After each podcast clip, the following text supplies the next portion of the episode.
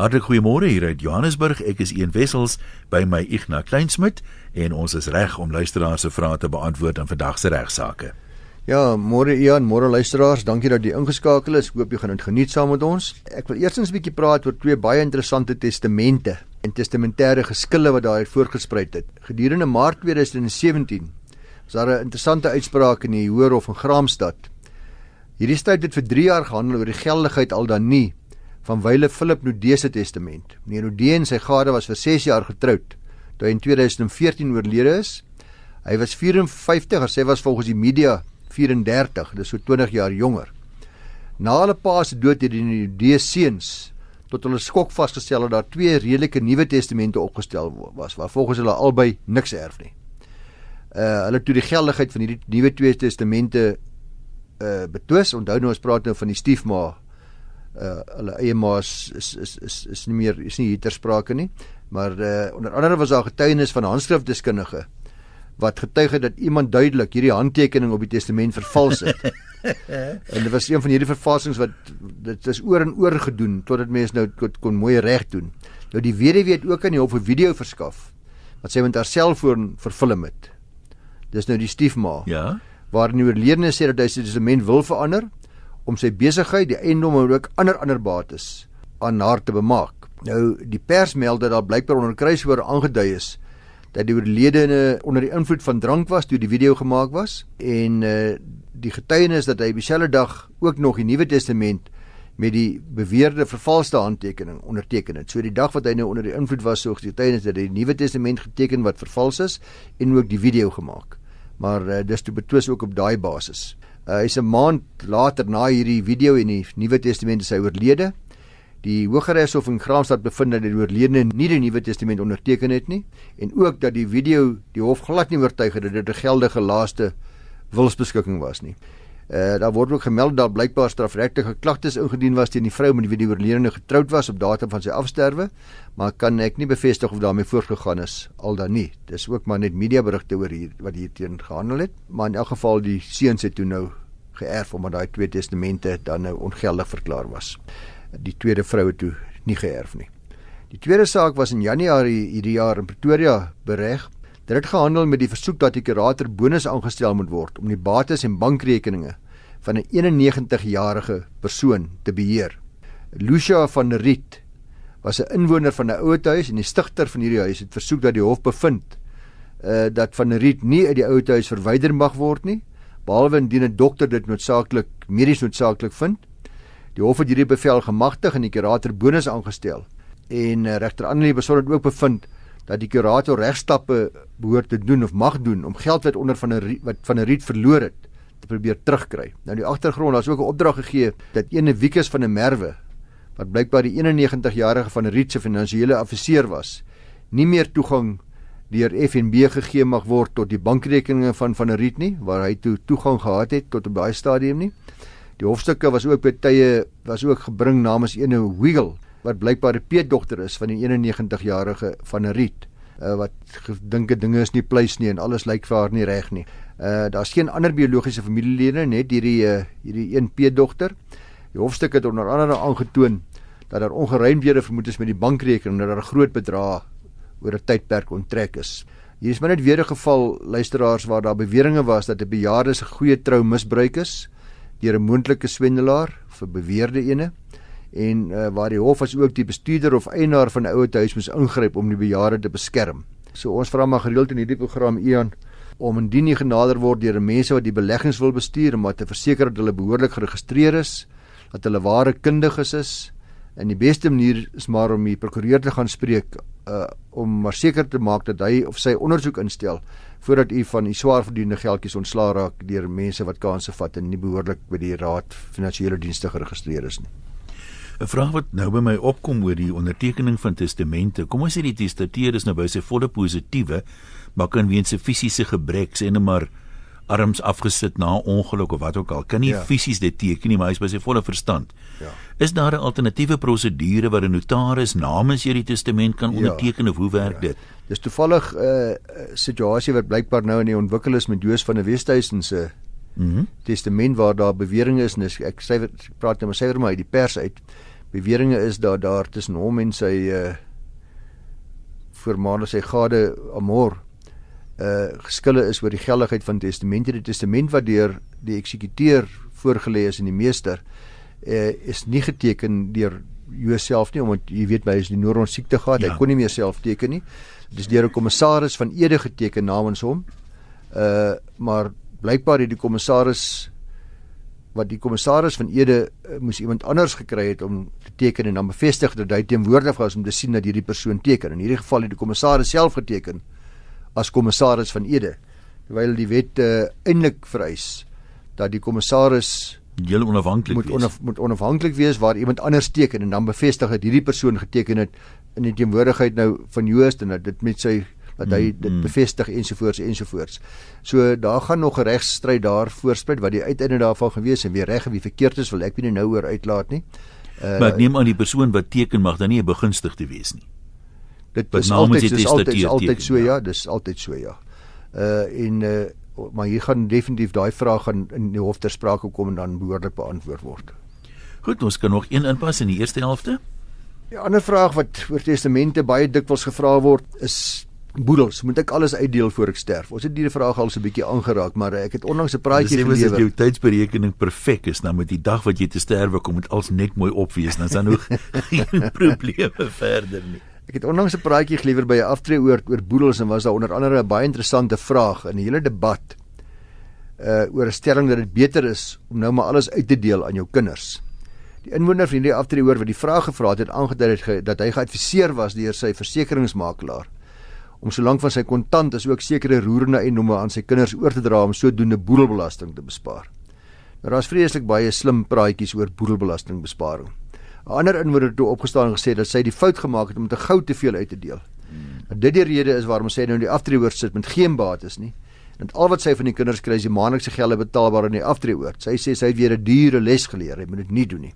Toe dit nou 'n hele lekker debat afgegee daar by die praatjie wat nou vir my baie interessant was. Maar almal se omstandighede luisteraars verskil, maar ek dink tog dit belangrik om in die algemeen 'n paar opmerkings te maak oor die boedelbeplanning en te waarsku dat jy baie versigtig moet wees voordat jy te gou die bates aan die kinders oordra. Dis duidelik dat die voorstanders hiervan van gouer oordra se hoofmotivering is die besparing van die 20% boedelbelasting. Maar jy moet nou mooi luister. Soos jy nou al weet, is boedelbelasting betaalbaar op die bedrag waarmee jou netto boedel 3,5 miljoen rand oorskry. So is nie almal wat gaan spaar deur bates vroeër uit te deel nie. Uh daar's egter ook 'n belangrike aspek wat skenkers van bates aan kinders maklik vergeet. Dit is die kwessie van skenkingsbelasting. So en die koers daarvan is, is ook 20% op die waarde van die skenking. So nou nou probeer jy 20% boedelbelasting spaar, maar jy moet 20% skenkingsbelasting betaal. Nou dis waar dat daar vrystellings is van 100 000 rand per jaar vir skenking op skenkingsbelasting, maar let daarop dat indien jy byvoorbeeld 500 000 rand aan 'n kind wil skenk, van twee kinders wil skenk, dit wil sê 'n miljoen rand in totaal. Ek gee maar 'n voorbeeld. Jy 20% skenkingsbelasting betaal die ontvanger van inkomste op 1 miljoen rand minus die vrystelling van 100 000 rand, ons praat dus jy 180 000 rand betaal, wat nog 'n massiewe klomp geld is. Ja. Daar's baie ander planne wat voorgestel kan word deur makelaars en prokureurs en goeie boedelbeplanners. 'n goeie plan wat al meermale deur spesialiste op hierdie program voorgestel is, dat goedere aan 'n kind verkoop word op die basis dat die kinde dan betaal teen 100 000 rand per jaar. En sal hierdie 100 000 rand dus gelyk wees aan die skenkingsvrystelling van 100 000 rand sodat dit is oor 'n termyn afbetaal sal word sonder dat daar geld werklik verwissel. Die ontvanger dring egter daarop aan dat daar inderdaad wederwysige betalings gemaak. Fisies moet die 100 000 rand heen en weer betaal word. Daar moet bewyse daarvan wees. Maar intussen is dit maar kom maar op dieselfde neer asof dit nie betaal is nie. 'n uh, plan wat dikwels daarmee saamgaan is dat die eiendom aan 'n kind verkoop word teen baie minder as markwaarde. Nou dit kom neer op belastingbedrog omdat markwaarde die maatstaf is wat deur wetgewing daar gestel is om uh, skenkings te bepaal en om uh, verkopings te bepaal en hereregte te bepaal en BTW. Indien nou byvoorbeeld die bate van 1 miljoen rand jou kind verkoop, sê net maar vir 400 000 rand. Dan sal jy inderdaad aangeslaan kan word op die verskil tussen die markwaarde en die verkoopsprys. Dit wil sê jy sal steeds 20% skenkingsbelasting betaal op daai in hierdie geval op 600 000 rand, op die verskil. Ek het ook al baie op hierdie program gepraat oor die voordele daarvan as jy dan regtig van jou bates wil oordra om seker te maak dat 'n vruggebruik uitgehou word vir jou as dit 'n uh, in, in sekere bates waar 'n vruggebruik hmm. uitgehou kan word. Daar's verskeie opsies wat deur 'n goeie boedelbeplanner aan luisteraars verduidelik kan word.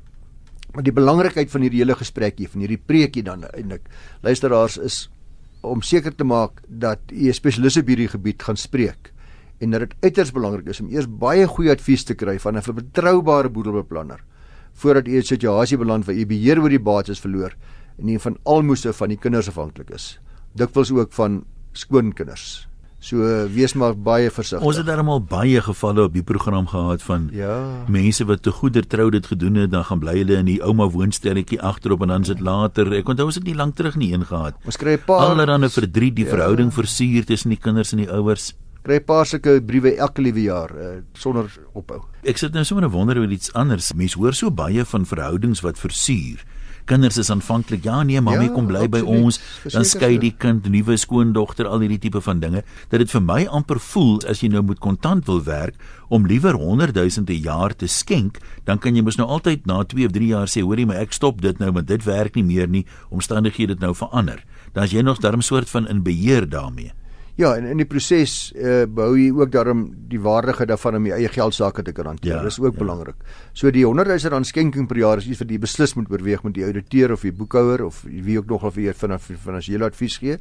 Maar onthou ongelukkig dring jy vinger daarop aan dat die inderdaad die 100 000 rand moet oorbetaal.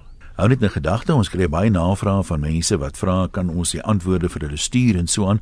Ongelukkig kan ek nou nie antwoorde e-pos nie, maar al die antwoorde wat ons wel op die program gee, kan jy weer na gaan luister op RSG se webwerf is daar beskikbaar as potgoeie, so jy kan dit aflaai op jou rekenaar weer na luister as dit nodig is en jy moet dit deel met uh, ander mense, vriende of familie, dan uh, kan jy dit ook op uh, stokkie sit en daar berg of op 'n CD of wat ook al. Gaan na die webwerf toe rsg.co.za, so links bo aan die bladsy, klik jy op potgoeie en dan gebruik jy regsaake as die sleutelwoord en as jy dan soek druk dan kom al die vorige programme van die jongste af heel bo tot die laaste programme onder is dan weer daar met so kort opsomming oor waaroor ons gesels het in die program.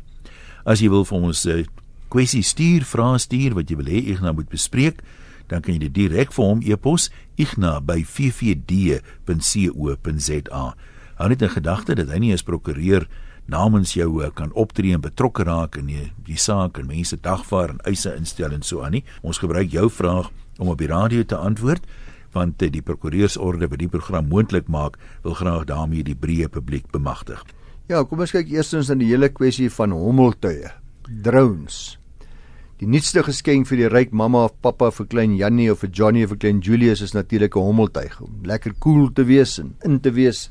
Hommeltuig is die ware Jakob vandag uh, in sekere kringe. Wat luisteraars egter moet weet, is dat daar baie goeie wetgewing van toepassing is op hommeltuie dat daar sekere gebiede is waar jy glad nie hommeltuig mag loods nie mag speel met hom nie.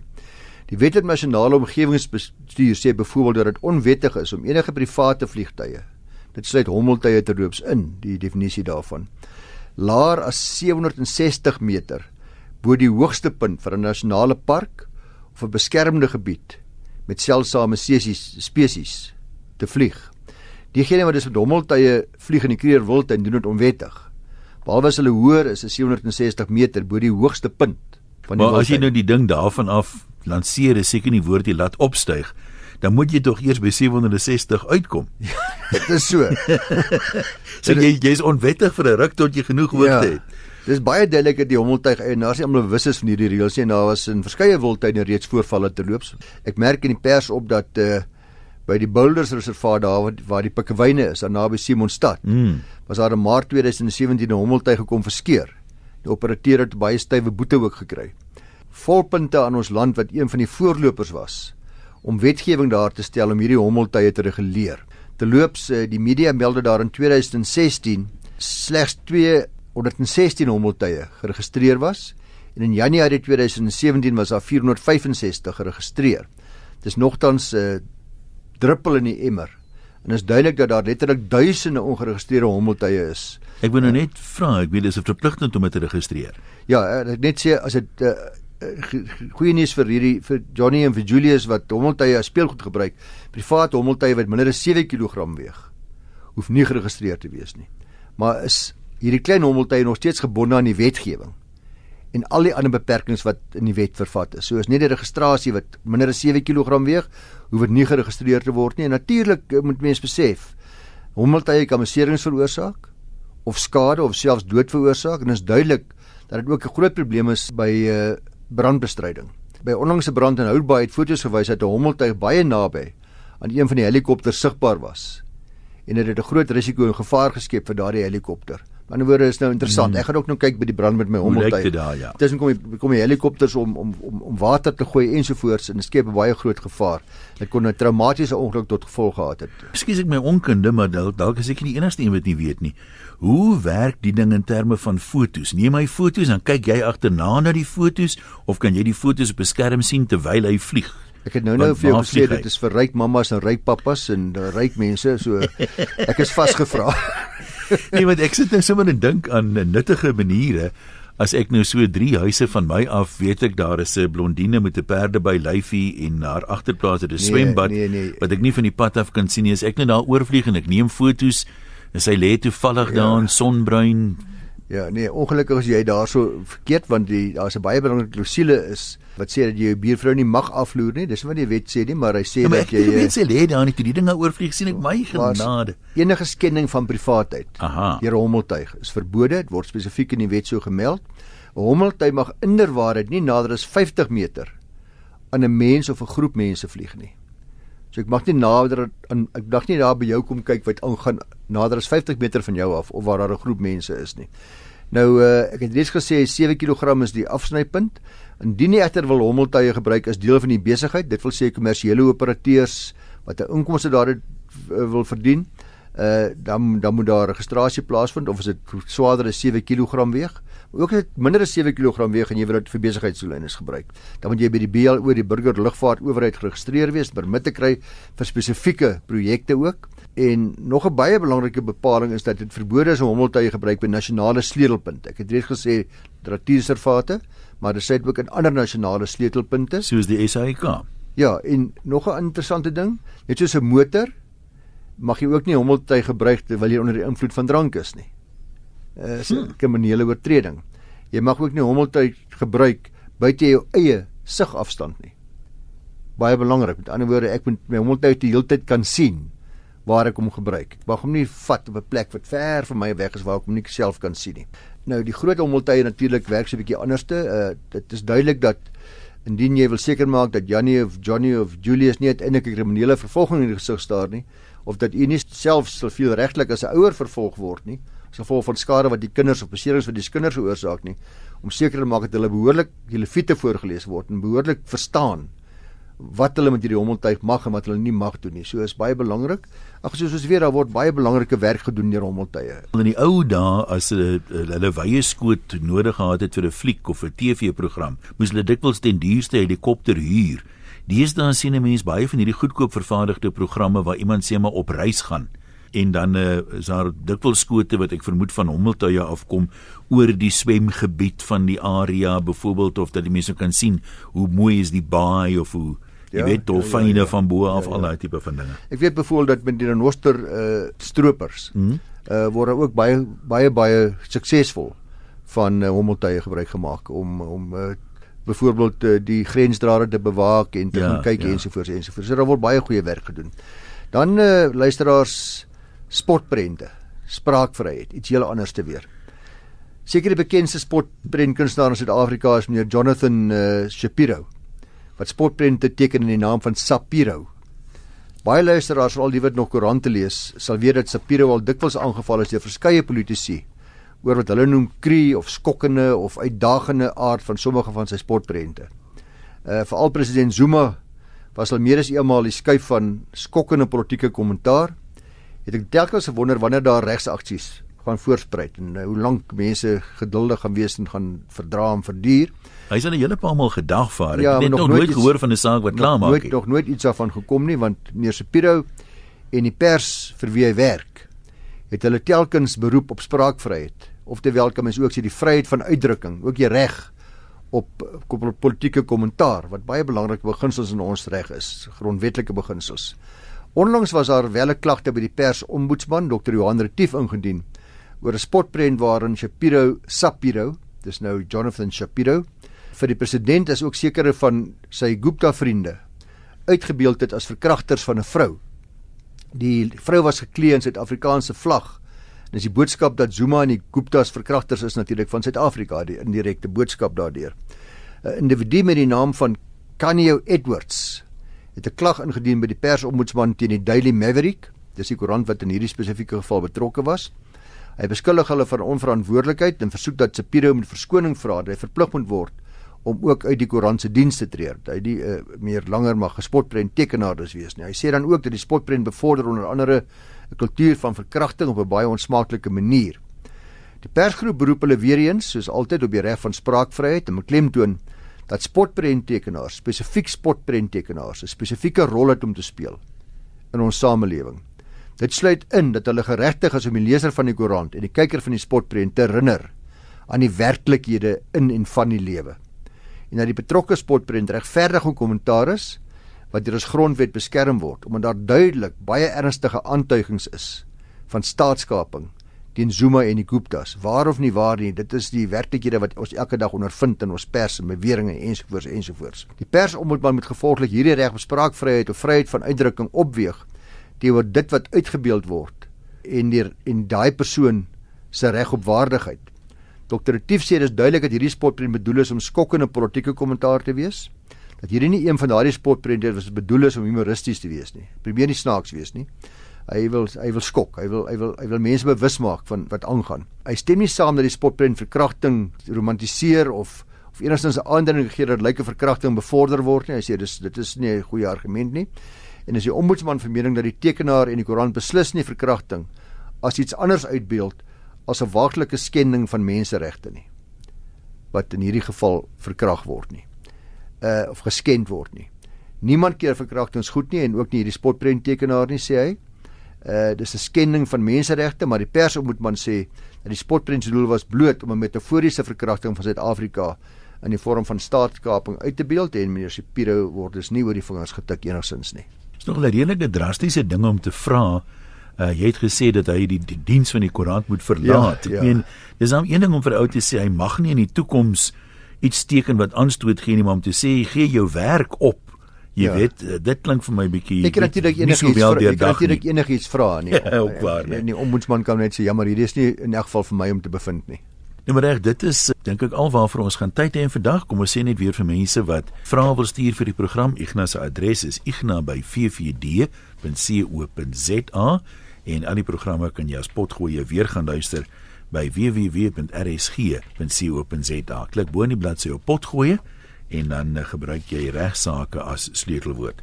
Dis ons storie vir vandag. Baie dankie dat jy geluister het. Alles wat mooi is en bly uit die moeilikheid uit.